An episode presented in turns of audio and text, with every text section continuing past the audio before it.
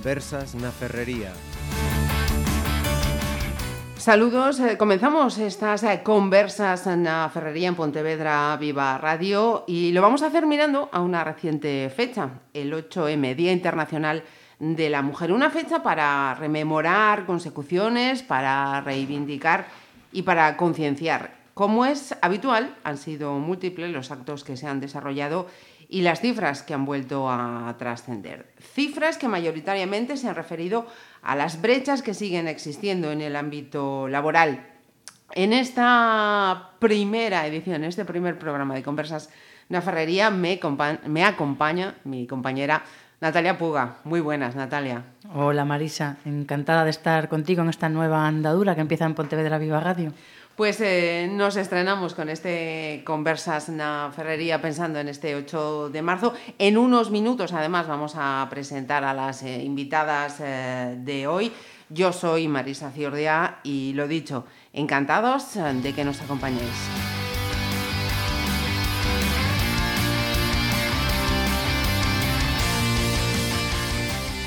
Hablaba de cifras eh, que han vuelto a trascender estos días, eh, Natalia. Nos vamos a centrar en la comarca, en esa brecha laboral que lamentablemente todavía sigue existiendo entre hombres y mujeres, ¿no? Pues sí, lamentablemente tenemos que seguir hablando de una brecha laboral y salarial. En, en el caso del paro, eh, las cifras de desempleo femenino pues siguen siendo superiores a las del desempleo masculino. El 54% del desempleo femenino tenemos en la comarca de, de Pontevedra. Estamos hablando también de que se están reduciendo las cifras de paro a nivel global pero se están reduciendo menos las cifras del paro femenino. En el caso de la comarca de Pontevedra, en el año 2015, el paro masculino se redujo un 12% y, sin embargo, el paro femenino solo un 5%. Estamos hablando también de pues, las pensiones.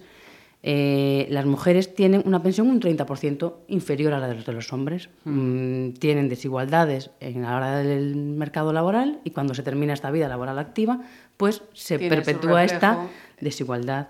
Eh, se perpetúa también en el empleo a tiempo parcial, hay muchas más mujeres con mm, trabajos a tiempo parcial que hombres, se perpetúan los salarios con un 20% inferior al de los hombres. Bueno, mm, la desigualdad pues sigue estando a la orden del día. Y esos eh, datos son un ejemplo extrapolables al resto de Galicia y al resto del contexto nacional.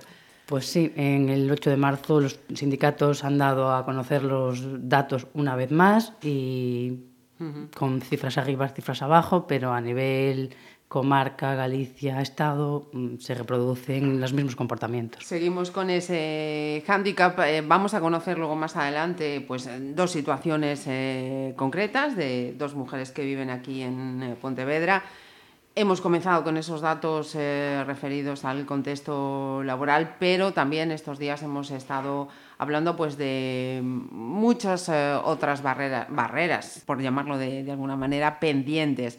El tema de la conciliación, eh, todavía muchos aspectos de, la igualdad, es mucho el trabajo que todavía nos queda por recorrer. También hemos oído en actos en los que hemos participado que se ha adelantado mucho, ciertamente, pero todavía hay camino en el que andar. Y una cosa que yo creo que también eh, hay que incidir, que todavía queda mucho por concienciar a las generaciones más jóvenes, porque estos días yo he escuchado también que nos eh, estamos estancando, que las generaciones más eh, jóvenes no están viendo o no son conscientes de todo ese trabajo que se ha ido haciendo y hay que, hay que insistir, que que no se queden parados. Sí, parece que no son conscientes de toda la lucha de sus madres, de sus abuelas, de, las, de generaciones y generaciones de, de, mujeres y de algunos hombres, hay que reconocerlo, y, y, como que se están relajando y bueno, y el camino andado que tanto ha costado, pues se puede perder y dar pasos atrás. ¿no? Pues eh, vamos a ver eh, qué nos cuentan eh, nuestras invitadas. si te parece, Natalia, vamos a darle el protagonismo a ellas en los siguientes minutos. Pues sí.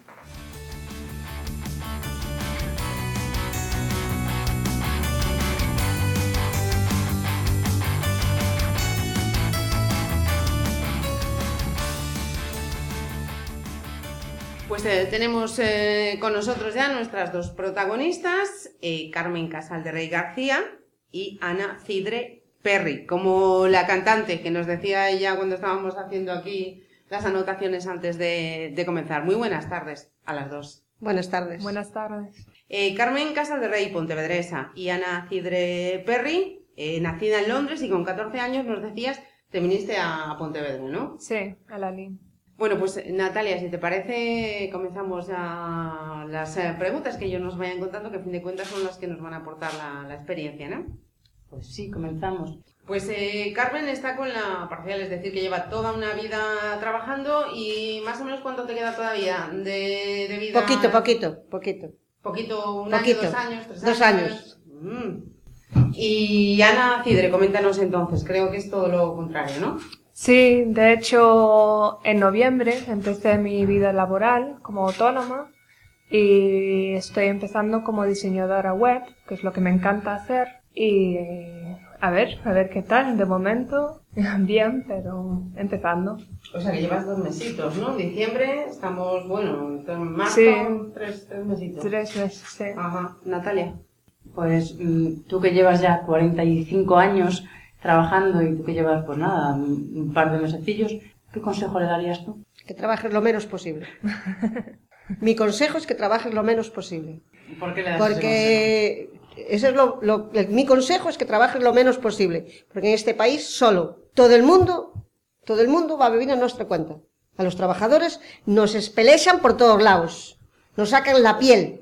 Porque eh, a mí me gustaría, Natalia, eh, que nos eh, situásemos, me imagino que son dos contextos eh, diferentes, ¿no? Eh, el planteamiento que pueda tener Ana, mm, de decir, mm, cuando está estudiando, ya se está preparando para trabajar, para introducirse en el mercado eh, laboral.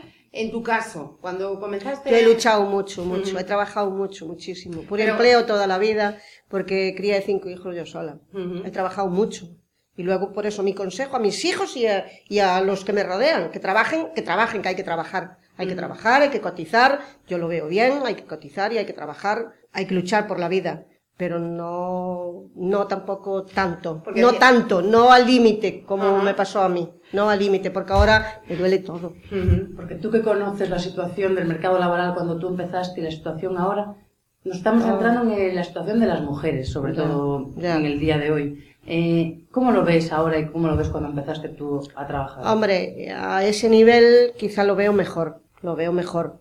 Pero también curramos mucho más las mujeres ahora que los hombres. Pero mucho más. Sin excepción, porque tenemos los hijos, tenemos trabajo fuera, porque todo el mundo trabaja fuera. O tenemos que trabajar fuera, no nos queda otra. Claro, pero la mujer, eh, A nivel de- que estamos en torno a esa fecha del 8 de marzo, siempre hemos trabajado, ¿no? Dentro Sí. de casa, fuera de casa, pero Sí. la mujer siempre ha, ha trabajado. ¿no? Es que es- El planteamiento quizá eh, hace unas décadas era que la mujer trabajaba duramente en casa, que en casa suponía pues igual trabajar también en el, en el campo, en el sostenimiento, en esa Pero, que era- mira, pero el salir, yo creo perdona, que Carmen, trabajaban mucho, perdona, yo creo que trabajaban mucho. A nivel mm, quizá más, más físico, ¿no? Ajá. Era un trabajo mejor más físico, más fuerte, ¿no? Ahora mejor pues trabajas, yo qué sé. Hombre, el mío era también físico, ¿no? Pero, no sé, es distinto el trabajo. Si marchaban para la finca, si no era a las cuatro, era a las cinco. Ujú, Y ahora en el trabajo tienes que estar y fichar. ujú. Claro, pero Es distinto. Por ejemplo, tú cuando eras niña, eh, tu idea... Yo de- trabajé toda la vida, Claro. que yo soy de campo. Claro, claro, Yo nací claro. en una, yo nací en Pontevedra, pero nací a dos kilómetros de Pontevedra. Pero mis padres tenían muchísimas fincas y muchísimos animales. Y tenías claro que el día de mañana tenías eh, que trabajar, eh, pues, como has sido, en el sector de la limpieza. Yo dije siempre, yo dije siempre que yo no me iba a quedar. De hecho, fue la prim- fui, me casé muy joven, muy joven, por marchar de casa. Me casé muy joven y, y yo qué sé, no sé, no es distinta la vida totalmente a, a ahora. Ahora lo tienen todo. Ahora los chavales de ahora lo tienen todo. Eso de lo tienen todo, ¿qué significa? Lo tienen todo. ¿Qué pasa? Que la vida, la sociedad les obliga también a tener. Ahora un niño tiene que tener el WhatsApp, tiene que tener el ordenador, tiene que tener de todo. Tiene que tenerlo por la, la sociedad lo obliga también, ¿no? No es que le den sus padres, porque mis hijos, yo no le di, no le compré el ordenador ni el coche. Mis hijos no le compré nada. Lo compraron ellos todo. Ujú. todo. Y, o sea, yo a mis hijos, vamos a ver, después sí, después, gracias a Dios, podía y le, le ayudé a comprar cosas, ¿no? Pero no caprichos de comprarle un móvil o comprarle un coche o comprarle un ordenador. No, porque después ya trabajaban y ya lo tenían ellos. Ajá. Ana, tu planteamiento también era así de, de- claro, porque claro, son- sois generaciones distintas, supongo que tu planteamiento ella- que está ¿tú cuántos Carmen, años tienes? es totalmente diferente. 26. 26, tengo un nieto de 24. Tengo Ah. un nieto de 24 años. Cuéntanos, eh, Ana, ¿cuál fue tu planteamiento? Eso, estudias para tener un trabajo, me imagino. Sí, no es como decía, por ejemplo, Carmen, yo me casé muy joven. No, o sea, tú No. estudias Estás soltera. para trabajar. Ah, no estoy Bueno, casada, bueno, pero tengo sí, pareja sí. y tengo una niña ya. Ah, bueno. Ujú. Pero yo obviamente estudié para tener un trabajo, Y un tener un trabajo y llegar un poco lejos. Am, yo hice, yo no sabía qué hacer, entonces yo estudié Bellas Artes aquí en Pontevedra porque me encantaba. Y después como quería meterme en el mundo más de empresaria, me metí en un máster de economía en Bruselas y mientras estaba haciendo ese máster, pues empecé a programar empecé como un hobby y fue cuando me di cuenta que es lo que quiero hacer. Y desde ese día es por lo que estoy luchando para ser programadora web. Y es lo que quiero hacer. Claro, o sea, el planteamiento es eh, completamente ver, di- hombre. diferente. Estamos hablando de, de dos, de, una, de dos generaciones totalmente Muy, muy- diferentes, muy con distintas, planteamientos o sea, de base eh, Sí. desde el punto de vista Pues, a ver, de la mis mujer, hijos, ¿eh? Mi hijo el pequeño, por ejemplo, es técnico de electrónica y lo de él, pues es claro, vamos a ver, es claro, mm, no poner un taller por él ni nada, pero claro, ser lo más, eso, hace música, hace informática, ¿sabes? Hace varias cosas a la vez, porque es muy, muy, muy hiperactivo y, le gusta hacer muchas cosas y le- Ujú. eso. Y bueno, desde que terminó la carrera está trabajando de lo de él, que, que hoy es muy difícil, pero bueno, está Claro, trabajando de técnico de electrónica. Cuando decías antes que los chicos de ahora lo tienen todo, te iba a decir igual, no, no todo, igual precisamente trabajo es lo que falta. Sí. Es que eso me lo, me lo- Justamente. eso me lo quedé, me lo, ¿sabes? Me, eso, claro, tienen de todo menos trabajo. Tenemos... Porque algunos quieren trabajar, vamos a ver, otros pasan de todo a lo mejor, como en todas las generaciones. Pero, pero algunos quieren, yo toca madera, los míos, gracias a Dios, tienen trabajo todos.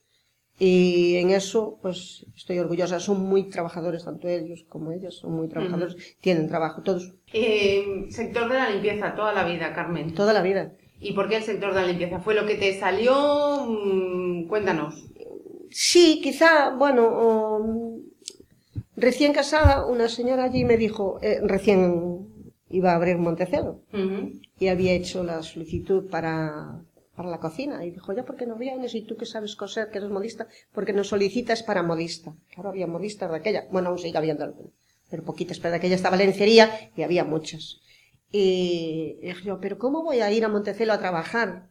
Yo en esa época estaba cosiendo en casa ropas para, ropa de esas que co- coses para, como si fuera una fábrica, ¿sabes? Te la proporcionan Sí, y tú la coses. Dije ¿cómo voy a ir si tengo una niña de año y medio y otra recién? Recién. Tenía dos o tres meses. Y eso ya no, después ya no pude echar la solicitud, porque ya Montecelo abrió. Esto se inauguró el 28 de octubre del 73. Y yo entré el 7 de enero del 74. Y ya no tuvo opción, ya tuvo opción solo estar ahí. Después igual tuvo opciones incluso hacer cosas, hacer enfermería, que hubo allí escuela de enfermería, o hacer auxiliar, que hicieron muchas compañeras. Lo que pasa es que, bueno, esto que tienes los niños, después ya tienes más niños, después ya te quedas ahí, después ya empecé a trabajar en un hotel por la mañana, porque ya no me llegaba, ya no me llegaba porque lo que tenía al lado era una basura, perdón por la expresión, y luego, pues eso, me quedé, me quedé y me quedé. Y yo digo siempre que nunca te debes de quedar en un chollo 43 años. Mira, dos épocas muy diferentes, pero algo que tenéis en común es que las dos empezasteis a trabajar teniendo ya niños. Sí. Sí. Eh, ¿Cómo lo vivisteis eso los dos? Porque aunque teníais a lo mejor pareja al lado, siendo mujeres siempre conlleva a lo mejor obligaciones diferentes, ¿o no es así? Es muy complicado. Estamos ya en ese momento a lo mejor de igualdad, Ana, Sí. en el que el hombre y la mujer tienen las mismas obligaciones con los niños. Yo creo que hoy en día todavía vivimos una sociedad muy machista. Que la mujer debe quedar con el niño en casa y si no está mal vista. Yo de hecho, cuando se lo comento a alguien de que trabajo por las mañanas y por las tardes me quedo con la niña. Me dicen, ¿pero con qué edad empezó en la guardería? Y cuando digo que empezó con un año, está muy mal visto todavía. Pues imagínate hace 43 años. Ya. ¿Cómo hacías tú, Carmen? No te lo puedo coger. Claro, Los niños no, quedaban solos y no pasaba nada. Es una guardería, quizá. De aquella no había guardería claro, aún. Claro, por eso. por Estoy eso. hablando que mi hija tiene 45 años. Ujú. Supongo que tirabais mucho de la familia, que ahora se tira un poco menos, ¿no? No, yo creo que tiran más de Yo la familia ahora. más, Se tira más ahora de la familia. Antes la familia y mi familia iba para la, finca, ¿sabes? Y yo con mi familia no podía contar mucho, porque mi familia iba para la finca y En tu caso tienes eh, eso, ayuda también de tu entorno familiar para que te echen una mano pues en momentos puntuales, cuando necesitas. Am, de hecho, nos volvimos de Bélgica para Pontevedra más que nada para eso, para tener familia, porque estábamos solos en Bruselas, sin nadie, y nos vinimos a Pontevedra porque están mis padres aquí en la LIN. Y sí, para días puntuales podría contar con ellos, pero somos los dos bastante flexibles con el trabajo, lo que ayuda. Entonces, si un día me tengo que venir, como este evento, a dar una charla o cualquier cosa, mi pareja se ocupa de la niña y viceversa. Sí que hay afortunadamente eh, Sí. más flexibilidad, Sí, más sí. compenetración y cooperación dentro de casa porque mm, no sé si tu caso es especial, pero yo mm, quiero pensar, quiero pensar que, que también están mentalizados, que mm, tú trabajas, él trabaja, tenemos una familia y todo es cosa de, de los tres, de los cuatro o de los cinco. Sí, si sí. todavía hay Sí. familias de- Sí, de hoy, cinco. hoy arrima más el hombro la familia. Yo creo que Sí. sí. No, digo la, digo la pareja. me Y la pareja también, y la Sí. pareja. Hombre, Es habrá casos como tú. una sociedad que creo que se está adaptando más a el concepto de familia como madre y padre de, de colaborar todos, tanto con el dinero como con el niño, como, bueno, eso, el concepto de familia de, de hoy en día. Por ejemplo, hace, cuando mi padre me, tu- bueno, cuando mis padres me tuvieron, sé que mi padre creo que nunca cambió un pañal, pero hoy en día los hombres sí que lo hacen. Está cambiando mucho la cosa. Si os parece, nos contáis eh, cada una cómo organizáis vuestro día a día, pues eh, las tareas de casa, en el ámbito laboral, el caso de Carmen, cómo hacía, los niños eran pequeños, en el caso de Ana, pues eh, más reciente a día de hoy. Pues yo trabajo de 8 a 1 y mi pareja trabaja de, de las 8 hasta las 6, 7. Y lo que hacemos por la mañana, cuando trabajo yo, la niña va a la guardería, por la tarde me quedo con ella y mi pareja siempre está ahí para darle de bañar. En plan, pasa media hora, una hora con ella para poder ser padre cada día. Que reconozco que eso es un privilegio, porque reconozco que muchas familias los padres no pueden por el tema de la mujer queda en casa y el padre tiene que ir a ganar el dinero para la familia. Por eso estamos intentando igualar las cosas un poquito. Sí, nos turnamos, porque esta semana pasada la niña está con los dientes, entonces está un poco difícil, tengo de dormir. Y nos turnamos, una noche él, una noche yo, una noche él, una noche yo. Siempre comemos los tres juntos a mediodía. Y sí, la verdad es que tenemos unos privilegios que reconozco que otras familias no. Y desayunamos juntos, comemos juntos y yo le doy de cenar a la niña antes de que venga el padre. Después el padre pasa el rato con ella y después cenamos él y yo solos. Porque tenemos horario un poco diferente. Claro, me, me- claro. me- me llama la atención que acabas de decir eh, eh, privilegio. Igual privilegio no, igual es eso, ponernos de acuerdo una parte y otra parte Es que el niño es de los para dos. compartir eh, deberes y tener los mismos derechos. La me da la sensación de que ella mm, ¿No? habla de privilegio no con respecto a él y ella, sino con respecto a la situación de muchas otras familias Sí. en las que el padre y la madre no consiguen Compatibilizar. horarios, compatibilizar horarios Sí. para pasar tiempo juntos y con la niña Sí. y poder bañarla juntos, por ejemplo, porque sí que es cierto que Y muchas familias no consiguen comer juntos o No. bañar a los niños juntos. Sí. Sí, ¿No? es, sí, es lo que me refería. Y Carmen, en tu caso, como No, el mío no tiene explicación. yo y yo y yo, ¿no? Eso. Yo para todo. ¿Tú les dabas de desayunar, los llevabas al colegio? ¿Cómo hacías? Los dejaba en la parada del bus, me marchaba para trabajar. a mediodía le dejaba la comida porque ellos aún no llegaban de- del colegio y, el pequeño a mejor en la guardería. O, eh, hubo una ocasión, o sea, cuando nació el pequeño, tenía una señora para llevar unos al bus y tenía otra señora para el pequeño. Porque tenía que tenerla, porque el pequeño era, era bebito, o sea, cuando empezaste a trabajar de la baja. Yo en la baja no estuve tres meses de baja, estuve 30 días de baja solo. Que te obligaban, que ahora creo que ya no obligan, pero antes la, la maternidad, o sea, la lactancia te la obligaban. Y estabas solo 30 días de baja. Porque te descontaban, no sé si cobrabas el 65% o algo así, te descontaban una burrada en la edad de mis hijos. Después ya no, porque después ya se cobró la, la maternidad 100%, porque la pagaba la seguridad social. Pero te estoy hablando de hace 31 años que tiene mi hijo pequeño. Y luego, pues, era muy complicado. Ya digo, hubo épocas de vida que tuve a dos señoras, una para los mayores y otra para, para el bebito. Después a la guardería, ya cuando tenía ya un año, ya iba a la guardería. Después, como tenía hermanos mayores, el pequeño, por ejemplo, ya tenía hermanos mayores, ya iba con ellos a, a párvulos, parbolitos, porque no podía ir en bus, tenía que ir en bus, pero el bebé no puede ir, o sea, el niño de tres años no puede ir en bus. Sí, va, pero con hermanos mayores sí. Y, y por parte de las empresas también se facilita, o por ejemplo el hecho que tú fueras empresaria también fue una manera de decir, oye, mm, quiero trabajar, necesito trabajar, y siendo yo mi, mi jefa puedo compatibilizar mejor mis tareas eh, como madre o cualquier otra actividad. Ah, es un tema muy difícil todavía. Am, yo quiero ser un buen ejemplo para mi hija. No quiero que tenga ese concepto de mujer que se queda en casa. Y yo, porque yo no soy así. Yo no soy una mujer que me puedo quedar en casa cuidando de la niña todo el tiempo. Sí que lo paso muy bien con mi hija, pero creo que cada persona necesita un tiempo de trabajo, un tiempo de madre o padre, si tienen hijos, claro, y un tiempo de pareja. Y mm, para mí es súper importante tener este trabajo. Carmen, ¿tú entiendes eh, y compartes lo que está diciendo Ana? Sí, sí, lo, comp- lo entiendo y lo eso, lo- hombre, es que es como debía de ser. Sí. Es como debe de ser, la mujer tiene que tener su espacio y tiene que tener su trabajo para tener su dinero y, y tener, ser igual, igual, la igualdad. Vamos a ver, la igualdad empezará por algo. Y bueno, pues yo creo que es lo más importante es eso, arrimar el hombro los dos y la mujer que tenga su espacio, lo que dice ella, su hora de trabajo, su hora de niño y su hora de, de pareja. Pero veis que estamos muy lejos de conseguirlo ahora mismo. Muy lejos, muy lejos porque la gente va un poquito para atrás ahora.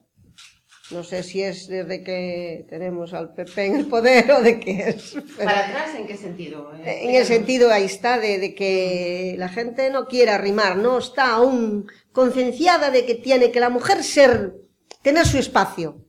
Yo creo que los hombres no están concienciados aún para que la mujer tiene que tener su espacio. Pero eso también es un trabajo, y no te estoy reprochando nada, eh, cuidado, y a las generaciones eh, también como las mías, pero eso también es un, un trabajo de, de los padres, ¿no? A medida que van creciendo los niños. Oye, eh, pues eh, tú eres eh, mi hijo, No. pero tú tienes que hacer tu cama. Los y tú tienes que colaborar a No. las tareas de casa. Eh, mm, creo que es un trabajo también que hay que hacer. Sí, puedes los- enseñarlos, sí, puedes enseñarlos y educarlos. Y yo siempre le dije siempre a los niños igual que a las niñas que tenían que hacer de todo y aprender a hacer de todo. Siempre se lo dije, a partes iguales. Después que lo quieran hacer o no, es muy, Claro, es muy Tú diferente. tenías niños y niñas. Los dos hacían de todo. Hacen de todo, y hacen de todo. Y si tienen que vivir solos, el mayor ya vivió solo y no tienes que hacerle nada, nada. Hombre, con que cose las bastas de los pantalones, sube los pantalones. Casi vamos a dar un aplauso, ¿no? Casi, casi. Sí, sí. Reconozco que no lo hago ni yo. ¿Sabes lo que pasa? Que es eso, que a lo mejor también le apuró en algún momento la necesidad, que yo no podía hacérselo, ¿sabes? Porque un día llegué a casa y dije yo, David, al pequeño, ¿quién ha devuelto la máquina? Fue Javi, que estuvo subiendo el pantalón. Y dije, ah, claro, como su madre... Claro, su madre estaba fuera de casa todo el día. Ajá. Y luego pues aprenden a hacer de todo, de todo, la comida, de todo, les apura la necesidad. La que más enseña, ¿eh? me decían a mí. Si La escuela. necesitas, llama a la señora necesidad que nunca te va a fallar. No, la escuela de la vida es la que te aprende ¿Eh? todo. Es la mejor escuela que puedes ir, a la escuela de la vida. Mira, ¿qué tenemos que hacer para seguir avanzando en esta igualdad? Eso es muy difícil. Es una buena pregunta. Yo creo que La sociedad perfecta sería que no hubiese que tener esta charla, para empezar, de no tener que tener eventos. Por ejemplo, yo soy una mujer tecnológica y es muy raro. Yo si voy a eventos de programación, es 90% chico y 10% chica. Y hay eventos ahora como mujer en tecnología. Si no, es que la sociedad perfecta sería que no existieran estos eventos. Que hubiese igualdad, que una mujer que haga tecnología que no fuese raro. No sé. Porque eh, incluso cuando estabas estudiando también notabas esa diferencia o esa diferencia se marca cuando te encuentras con el mercado laboral. Ah, yo como hice economía, Ujú. nunca estudié precisamente programación ni, ni nada Ujú. eso. Mm, Estaba bastante bien mezclado. Incluso aquí en Pontevedra, Bellas Artes también estaba bastante mezclado. Pero sí que sé que en unas universidades donde sí que se centran en programación, sí que hay 90 y 10, Mm. siempre. O sea, pero no es una cuestión de que la mujer todavía pues, se decante por otras sí, eh, disciplinas u otras profesiones, sino porque sigues viendo que es raro, hay una selección, hay una Sí, sí. criba, Siempre para ciertos trabajos, para ciertos trabajos a lo mejor siempre, o sea, para ciertas carreras, ¿no? Siempre igual hay más mujeres que hombres y para otras igual hay más hombres que mujeres. Mm. Porque nos vamos al lado contrario, Carmen. Eh, ¿Tú te has dedicado a la limpieza? En, Mm. en tu sector... Empieza a haber hombres ahora mismo. Empieza a haber hombres ahora mismo. Hasta ahora no había hombres, todo eran mujeres. Sin embargo, por ejemplo, en la enfermería, en los auxiliares, en, en los celadores, ya cambió toda la historia. Ya son todo mujeres y casi no hay hombres ningunos. Incluso hasta casi los médicos ya están al 50%. Afortunadamente. Sí, afortunadamente eso. Afortunadamente. Pero es, es un poco complicado. Lo que pasa es que, bueno, según las estadísticas, siempre hay más mujeres que hombres. Algunas cosas sobran, para otras faltan. Y, y- y otra diferencia también. eh, Ana es eh, empresaria. En tu caso trabajabas para una o por varias empresas, que nos decías antes que compaginabas eh, eh, trabajos. Tú en tu momento, cuando empezaste en el mundo laboral, eh, ¿te planteaste, te, pas- te pasó por la cabeza montar tu propio negocio? Nunca, no me gusta. Y a mis hijos se lo quito atrás todo lo que puedo. No me O sea, gusta. era una cosa de que no, no- no te Yo gusta, quiero salir no- de trabajar y olvidarme del trabajo. No que no te lo plantearas. No, es que no me gusta. Ajá. No, y a mis hijos se lo quito atrás todo lo que puedo. Porque es algo que no me gusta. Simplemente, a lo mejor Pero una- en, aquel momento tampoco te resultaría raro una mujer... mm, No, en aquel momento no. En aquel momento pues era algo normal. Ahora mismo pues seguro que no estaría ahí ni, ni, ni loca, vamos. O seguro que a lo mejor pues, yo qué sé. Ahora, empresa no, ¿eh? No. Pero bueno, eso es algo a lo mejor personal o Sí, algo. sí, Yo quiero salir de trabajo y desconectar. Que se caiga, ¿sabes? Sí. Desvincular facetas, ¿no? Como decías, Sí, de ser una eso, eso. Ahí está. Vincular Ajá. facetas. Y en tu caso, Ana, eres capaz de eso, de poner esos bloques, de... No, yo separar- creo que al tener empresa Sí. no, ¿no? Sí, yo por eso cogí una oficina. Así, cuando estoy en la oficina, trabajo, nada más. Y cuando estoy en casa, soy madre y pareja. Y ya está. Intento desconectarme todo lo que pueda. A veces es difícil porque siempre estás pensando, encontraré clientes o no. Pero. O si tienes mucho, mejor. Si tienes, ojalá Ojalá. tengas mucho, mucho trabajo, igual no puedes desconectar. Que eso es lo que, ¿sabes? A mí me da miedo que no puedes desconectar o que en algún momento, yo qué sé, no sé, te vaya mal y vayas, quedes sin trabajo, quedes sin paro, quedes sin nada, ¿no? No sé, es algo. Y ahora que decías eso, eh, condiciones laborales. ¿Has notado que en el paso de estos años las condiciones laborales han ido mejorando? Sí, Eh, sí, mejoraron mucho, mucho, es distinto. El sistema es distinto totalmente. No es más fácil, pero es distinto. Simplemente. ¿Sabes? No es, no es más fácil, es distinto. Si antes fregabas con fregón, ahora fregas con una mapa, pero es, lo no, no, yo no me refería solamente Sí, a los medios técnicos, ya, que me imagino sí, que, que- sí. que sí, sino a las eh, condiciones. eh, es decir, Ay, sí, mejoramos mucho. Lo que pasa que ahora, desde que fue lo- el- los recortes, fuimos para atrás 20 años de un golpe. Ana casi me da miedo preguntarle como autónoma, no me quiero ni... Bueno, No, no, me, está me- me estoy empezando. imaginando ya todo lo que tienes encima. Está que- empezando todavía. Sí.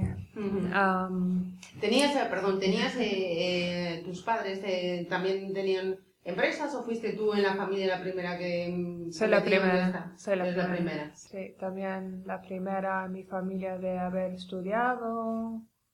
Sí, tengo ambición. No, Bien, yo creo que tienes que tenerla. Sí. Y tienes que Eso es tenerla mucho. Y Natalia, esas condiciones que han cambiado, eh, como mujer las has notado que han avanzado de alguna forma o con respecto a los hombres o sigues siendo siguen sendo condiciones discriminatorias con respecto a las dos hombres. No, allí no. Allí no. ¿Sabes? Allí no. Claro, estamos hablando de un trabajo en una administración pública. Claro, claro. Y estamos equiparados con ellos. Somos como si fuéramos funcionarios. ¿Sabes? Porque nos tenía que afectar a nosotros los recortes y nos recortaron igual. Uh -huh. ¿Sabes? Porque estamos equiparados con ellos. Somos funcionarios. No, que ellos no son funcionarios, ellos son estatutarios. Tampoco tenían por qué tener los recortes. Pero Pero sí que sois conscientes, bueno, tenéis contacto con otros trabajadores, eh, con las trabajadoras sobre todo, a nivel salarial sigue habiendo muchas diferencias. ¿no? Sí. Las mujeres siguen cobrando, de media en Galicia, las últimas estadísticas que han salido son del 20% menos. Sí. Eh, Aunque ahora se está metiendo programas de subvenciones para mujeres, sí que se está intentando levantar. igualar, sí, igualar un poco. Sí, un poquito están intentando. Pero sí que se, mismamente en precios enormes, hay diferencias en salarios. Porque eh, no sé si has tenido ocasión, eh, Ana, de, de- de- de ver ese, ese cambio, esos eh, raseros, por ejemplo, donde vivías antes y cuando has venido aquí a España. ¿También tienes eh, definido esas eh, diferencias o...? Sí, lo que se cobra aquí es mucho menor de lo que uno cobra allá. Pero también la calidad de vida es mucho más cara. La, El nivel de vida. sí, el nivel de vida. el nivel de vida es mucho más cara allá que aquí. ¿Y el acceso de la mujer al mercado laboral eh, también está como aquí? ¿No has visto, no percibías diferencias? Ah, creo que está un poco mejor que aquí. Creo que es más fácil para una mujer encontrar un trabajo, tanto en Bruselas como en Inglaterra, que aquí todavía. Lo digo por amigos que conozco, Sí, sí. Que, que todas las que quisieran tener un trabajo, más o menos tienen lo que quieren. Mm, Tienen y lo que quieren, además. Sí, sí, Mm. sí, que no es decir que estudiaron y después están de camareros, Mm. están en un puesto. Porque aquí a lo mejor encontrar un trabajo, o sea, es muy complicado, pero aún lo Sí. puedes encontrar. De lo que quieres ya no, ¿no? No, es muy difícil. Es muy difícil encontrar un trabajo aquí. Y Carmen, cuando hablabas antes eso, de cómo estabas en el trabajo con los eh, compañeros, eh, yo quería saber si Carmen laboralmente ha sido una mujer eh, conformista o ha sido de esas eh, mujeres reivindicativas en, en su trabajo. No, medio, medio. No medio, soy, medio. Sí, no soy muy... No me gusta el follón. No me gusta, ¿sabes? Soy bastante... Hombre, un día enciendo y enciendo. ¿sabes? Pero bueno, no. Y estuve en sindicato muchos años y, Mm. mucho, y muchas huelgas y, mucho, y hasta Madrid huelgas y, ¿sabes? Ujú. Pero bueno, soy bastante... No me gusta... Claro, porque afortunadamente hoy también lo podemos ver como una cosa normal, pero hace 40 años. Pero hace que una 40 mujer estuviese, claro, hace eh, 40 metida años en ni- El activismo sindical tampoco era algo habitual, eso... No, pero bueno, el sindicato vino más tarde. Tampoco es algo que... Tampoco le di mucha, nunca mucha... ¿Sabes? Yo andaba a mi bola, que bastante tenía, con lo mío. Lo Oh, bastante tenía con lo mío. Y Es en tu muy- caso, Ana, eh, conformista me da la impresión a mí que, que no. No, ella es... Yo, de momento, estoy tirando para lo mío. Entonces voy a luchar.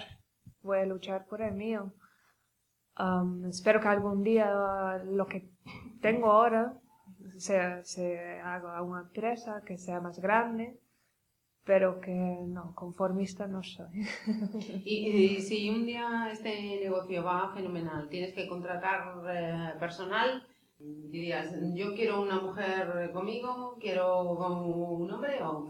Es que a mí me da igual que sea mujer o hombre. A mí lo que me importa es la experiencia o lo que me puede ofrecer. Ujú. Yo, ¿sabes? Como si me presento a una mujer ahí con un perfil maravilloso, como si me presento un Un hombre. hombre. Ajá.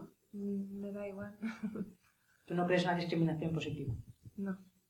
No, no soy feminista tampoco. Nos decías antes lo que, que la normalización igual pues significaría no, no tener que insistir en, en fechas como la del 8 de, de marzo, ¿no? Sí, yo creo que lo que es la igualdad sería tanto para la mujer como para el hombre.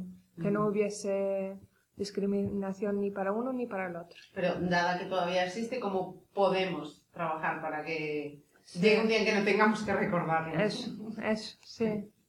Algo hay que hacer para que sean iguales, porque si no... Ajá. Hay que, hay que seguir peleando.